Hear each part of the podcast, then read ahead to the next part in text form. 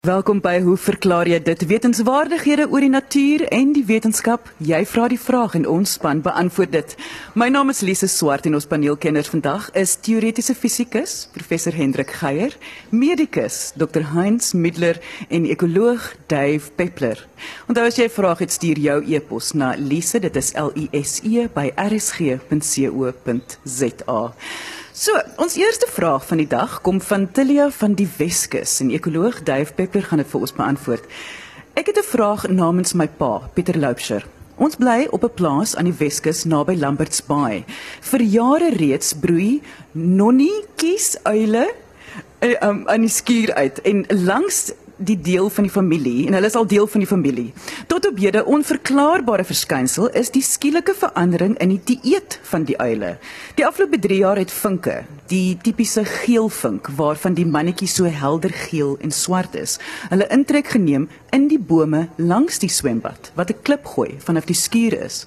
Onder die uilnes tel ons al 'n paar weke net die koppe griesaam net die koppe van mannetjies vinke op in steede van die gewone grys uil koutjies wat dit eet van knaagdiere aandui. Die tekens is duidelik dat die uile die mannetjies vinke vreet.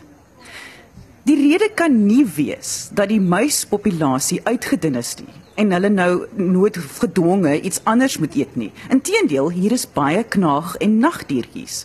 Ons en die swerm weduwee vinke sou graag die verklaring hiervou hiervoor wou hê.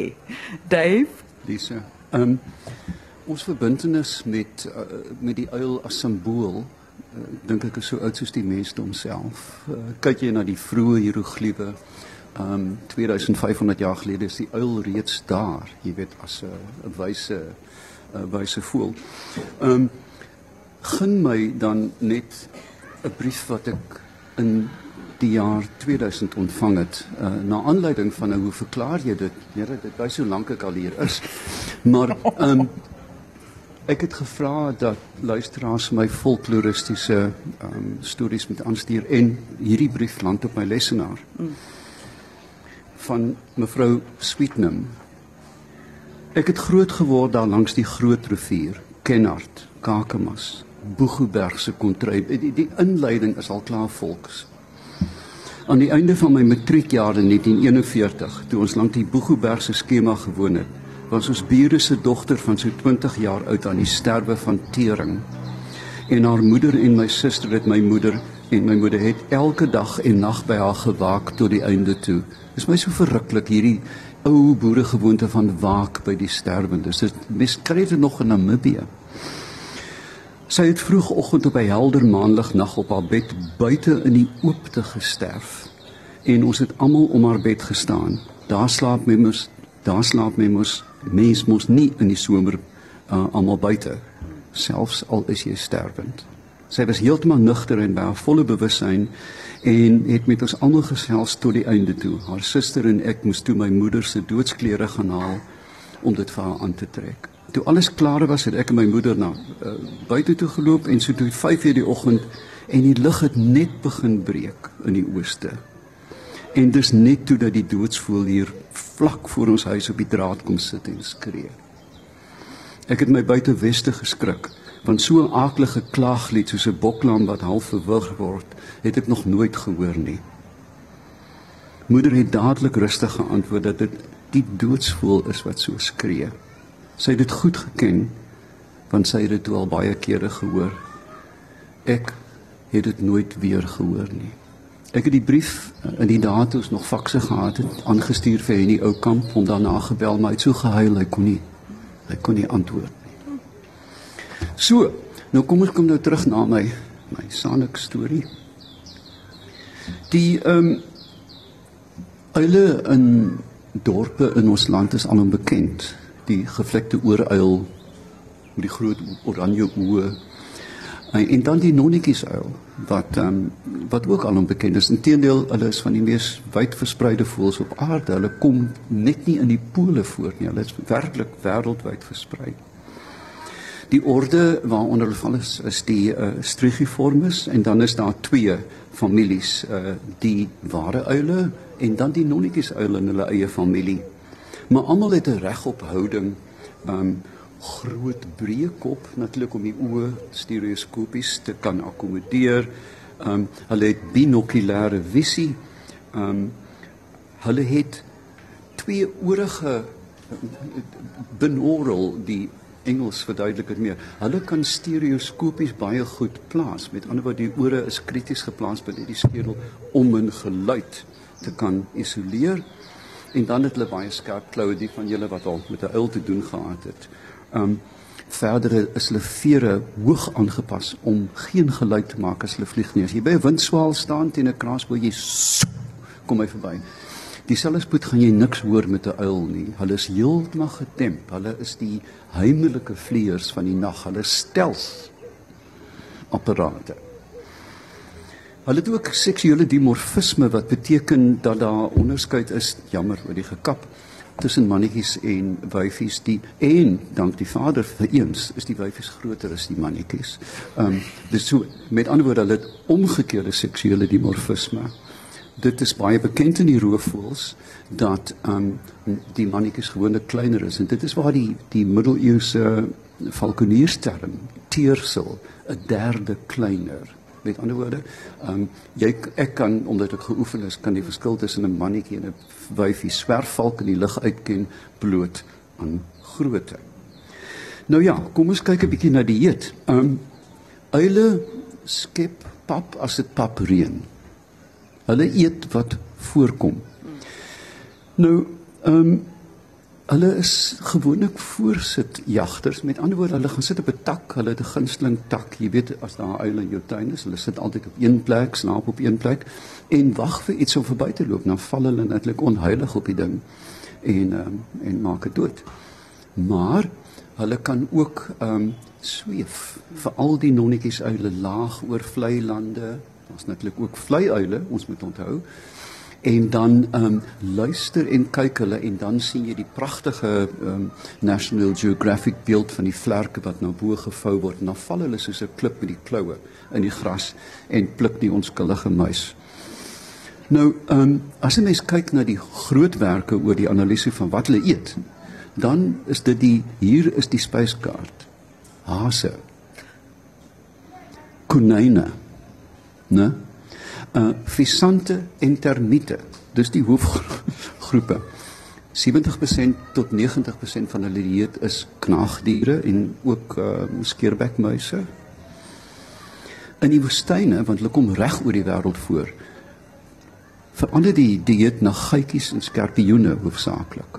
Beide uh, wat in die nag voorkom en dan uh, tussen die pole en die woestyne eet hulle vlermuise, paddas en akedisse. Met ander woorde die luisteraar se vraag oor vinke is glad nie buitengewoon nie. Ehm um, dis eenvoudig 'n konsentrasie van voedsel wat die uile nou benut. Ehm um, 'n nonnetjies uil vlieg tussen 2 en 16 km per nag om om uh, kos te bekom. Dit beteken dat hulle het 'n beperkte energie ehm um, wat is 'n budget? Ooh, krisis begroting. be, be, beperkte energiebegroting. Hoe verder jy vlieg, hoe groter, hoe meer moet jy eet natuurlik. Nou, as die spulvinke op jou drempel sit, sal jy stapelgek wees om nie die goed te eet nie. Uh om terug te kom na die grillerige kluite, want die die um, onverteerde reste wat uile eet staan bekend as 'n kluit en uilkluit. Mm. en ongelukkig in jare gelede het ek 'n leeftyd spandeer om dit goed te krap. Dit is nie eintlik 'n baie kreatiewe uh, tydverdryf nie. Maar hoe dit ook al sê um, daarin sien 'n mens dan die tande en onverteelde verteelde reste van die prooi. Met ander woorde hare tande en veral snavels. Dit is hoekom hulle die snavels van die vinke binne in die uilkluite kry. So luisteraar, uh wees gerus dat jy nie 'n um, uh, faksie van ISIS in uile het in jou boom wat skielik begin uh vinke eet nie. Dis dood normale gedrag. Ek wil net laasens voorstel dat een van die maklikste maniere om aan die aarde te raak is om vir jou 'n uilnes te bou. En uh mense kan my maar gerus kontak, maar as jy net gaan kyk na Eco Solutions op die internet, is daar pragtige, eenvoudige ontwerpe Jy kap dit in jou muur vas, gooi 'n handvol grys en dennenaalde en volgende jaar het jy kuikens. En dit was ekoloog Dave Peppler. Volgende is ons kitsvraag en dit gaan beantwoord word deur medikus Dr Heinz Middler en dit kom van Helena Groenewald uit Modimolle. Helena skryf: Ek wil my liggaam na my afsterwe aan 'n mediese fakulteit nalaat. Ek is nie meer jonk nie, reeds in die jare van genade en dit is nou blykbaar na 70, maar hoewel ek myself as baie gesond beskou, besef ek dat sommige weefsel ook maar opgebruik kan word. Ek het egter 'n hele aantal jare gelede tydens die verwydering van katarakte kunslense in beide oë ontvang. Is dit moontlik dat kunslense weer na die oorspronklike draer se dood in 'n ander ontvanger oorgeplant kan word? Dr. Middler. Wel, Elena, ehm um, soos vir my klink is jy nie binnekort 'n kadawer nie, sy klink nog redelik gesond. Ehm um, sou sy 'n paar honderd jaar tevore geleef het, was sy nou baie gesogte artikel want kadawers was baie skaars en die mense het geglo die liggaam is 'n tempel en jy karring nie aan daai ding nie en jy sny nie daarin nie. So die dokters van die verlede het baie min van die anatomie geweet want hulle moes in die geheim kadawers organiseer soos Leonardo da Vinci het 'n kontak gehad en al sy disseksies wat hy gedoen het vir die anatomie ehm um, hulle sou hom op 'n brandstapel verbrand het as hulle uitgevind het. Maar jy kan dink hoe hoe belangrik die anatomie is vir ons in kadavers want ons sien lewende wesens. As jy nou op 'n planeet kom en jy sien die allervreeslikste ding wat daar lewe dan wonder jy mos nou hoe kry dit reg? Wat gaan binne in hom aan? En dit was ons hinkering ook om vas te stel wat is binne hierdie vel? En so Elena om jou te skenk vir mediese navorsing ja eerstens dit is vir anatomie. Ehm um, Suid-Afrikaanse mediese studente is baie bevoordeel want hulle het baie kadavers of dit nou goed of sleg is, maar dit is tot ons voordeel. Ehm um, in oorseese lande soos in Europa is daar baie min kadavers. Ons ehm um, het sê maar vier studente wat aan 'n kadaver anatomie leer waar baie ander lande mense nie eens een, een raak nie, jy weet hulle moet dalk sien dalk net 'n disseksie. Ehm um, So eh, navorsing, dit gaan nie oor nuwe navorsing nie, dit gaan eintlik om die anatomie te leer, maar tog soos 'n spesialiste wat spesifieke tegnieke leer en spesifieke blokke wil doen of operasies vir delikates, gebruik ook kadavers om dit te oefen. So as jy dit uh as navorsing uh, sien dan is dit waar. Dit is goed so. Ehm um, wat haar herinner is haar ouderdom. Ehm um, Ek kan vir haar sê dat wanneer die vel af is, lyk die liggame maar baie dieselfde. Ehm um, ongeag die ouderdom. Ehm um, die organe bou maar hulle voorkoms behalwe die longe. Dit is opvallend dat jy kan sien wie het gerook en wie nie want jy sien dadelik die swart merke. Ehm um, so laat dit vir jou les wees. Maar die res van die organe lyk eintlik heeltemal goed. Dit is nie 'n probleem nie. Ehm um, die laaste ding wat haar herinner of wat sy vra is van die lense of ja. sy dit kan Wel ongelukkig nie. Prostete wat gebruik word gaan saam met die kadaver graf toe. Hmm. Ehm um, die groot rede is maar infeksie. En as jy nou net kyk, ek uh, heupvervangings en knievervangings is ongelooflik duur om dit te doen. Maar ek weet nie wie luisteraars wat dalk al heupvervanging gehad het of iemand ken en geweet het van iemand wat dit wat infeksie gekry het na die tyd sal weet wat 'n absolute nagmerrie dit is en dit is uitmergelend bedlend antibiotika vir hoe lank heroperasies dis net nie die moeite werd nie so ehm um, die proteses wat jy gekry het die oë wat is gelukkig nie so duur nie so dit is nog makliker om dit dan te verskoon ehm um, maar dit word nie weer gebruik nie maar die liggaam kan gebruik word vir anatomie en so sy is welkom om dit te doen. Goed, dit is baie interessant en dit was Amerikus Dr. Heinz Middler. Volgende is 'n uh, professor Hendrik Geier teoretiese fisikus en hy gaan Theo van der Merwe van George se vraag beantwoord. In die Bybel lees ons in Matteus 5 vers 13 en die ou mense beweer dis waar dat sout laf word. Dit kom voor in die 1933 vertaling of becomes tasteless. Dit kom uit die Revised English Bible of dit verslaan. Dit is in die nuwe vertaling van 1983 of dit raak smakeloos en dit kom voor in die boodskap. Tafelsout is suiwer in suiwer formaat bestaan met enkele voorvoegsels, byvoorbeeld ag byvoegsels, byvoorbeeld jodium of ander reste uit die elemente natrium en kloor. As dit laf word, moet daar tog sekere veranderings in die samestelling van die twee elemente plaasvind of dit moet besoedel word met iets in die omgewing. Of is ek nou heeltemal die klits kwyt? Professor Geier. Uh, dankie Theo vir interessante vraag. Dag sê aan jou aan al die mense wat vandag saam luister. Ehm um, ek kan jou gerusstel, jy's nie die klits kwyt nie. Wat ek verder sou wou byvoeg is jy moet ook nie alles glo wat die ou mense vir jou sê nie. Ehm um, ek wonder of jy nie miskien hierdie vraag in die eerste plek vir die dominees daar op George moes gevra het nie. Maar ek het vir jou 'n antwoord en dit sluit 'n stukkie Nuwe Testamentiese eksegese in, weliswaar nou nie my eie nie. Maar voor ons daarby kom, dink ek moet ons miskien nou net 'n uh, bietjie uitbrei op die tema van wat teoreties aan die orde gestel het. Wat is sout?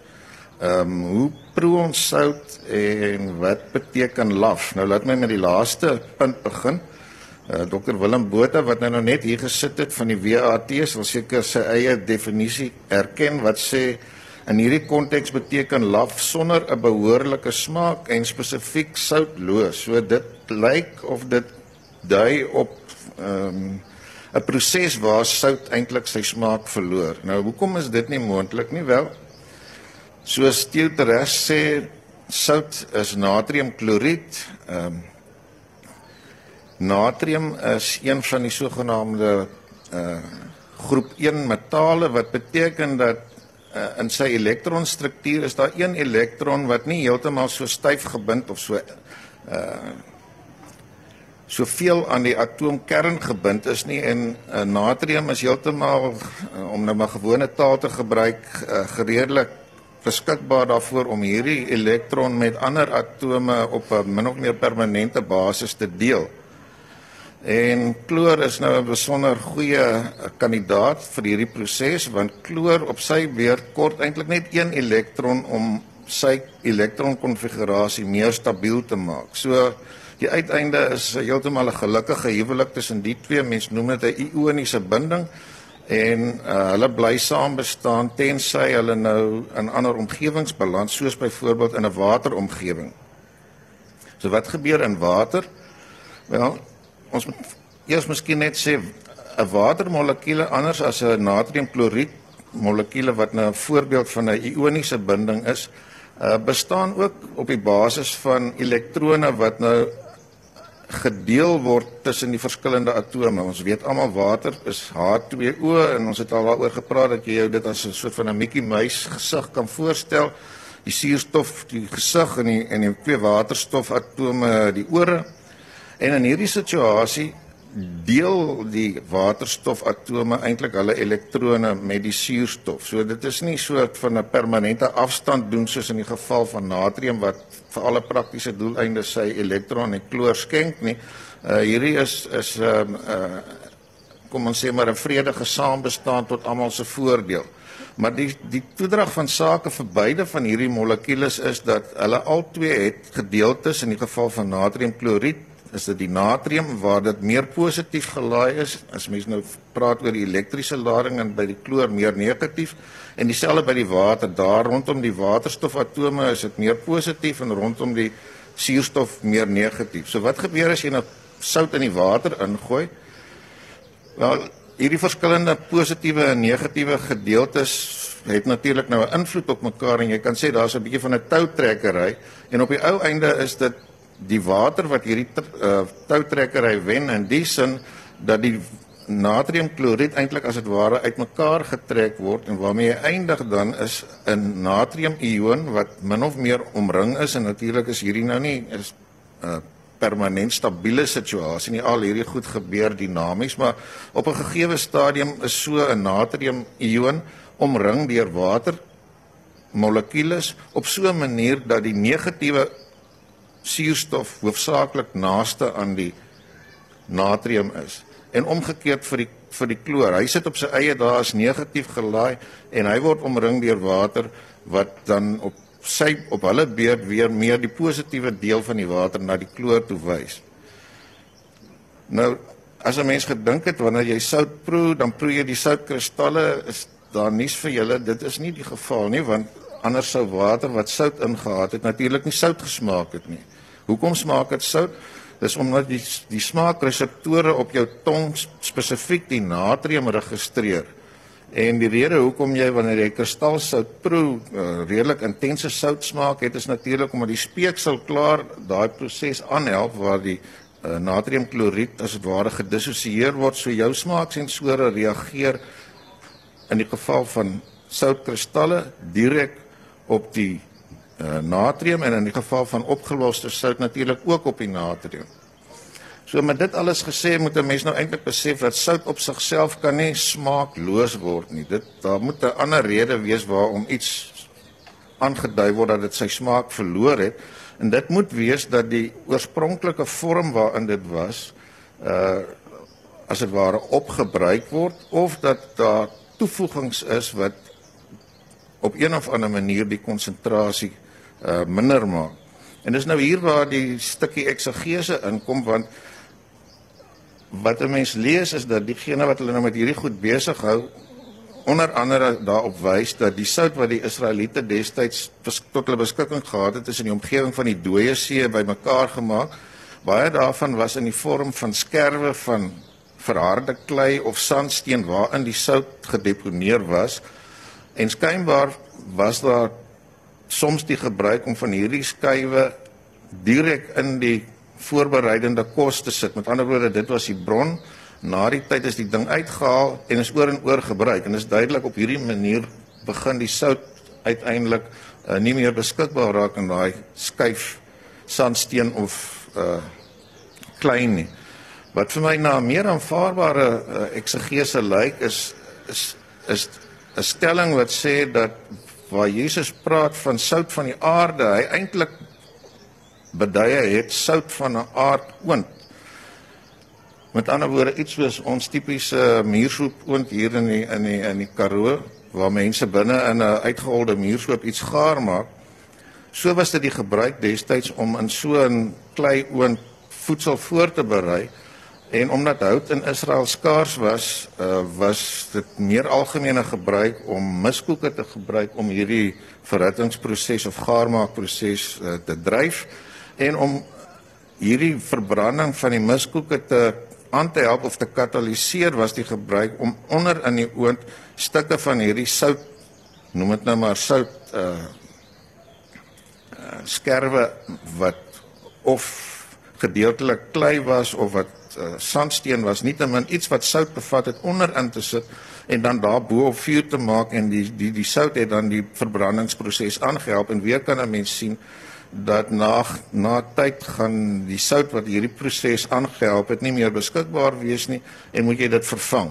So die die laf word het nie so seer te maak met 'n eienskap van sout wat verander nie, maar eintlik die konteks waarin die gebruik plaasgevind het en waar die sout deel was van 'n situasie wat mettertyd eintlik opgebruik raak. So Theo ek hoop dit help om daai stukkie te verstaan. Ek ek sien hier is dit uh, Renier wat vir my so mooi kyk uh, en uh, ek weet nie of hy instem met die met die met die eksegese nie maar nietemin uh, ek het dit nou uit 'n 'n uh, gevestigde teologiese tydskrif gehaal so as enige iemand hieroor verder wil argumenteer sal ek hulle maar net na die oorspronklike outeur verwys baie dankie En dit was teoretiese fisikus professor Hendrik Geier. Nou weet ons mense, daar's niks soos love is sout nie. Onthou as jy 'n vraag het, stuur jou e-pos na Lise, dit is L I S E by rsg.co.za. Ek sê baie dankie aan ons kenners en vraagstellers vandag. Onthou om altyd nuuskierig te bly en vrae te vra. Tot volgende week net hier op RSG saam met my Lise Swart. En ons sê ook totsiens nou van RSG hierso by die Woordfees. Totsiens.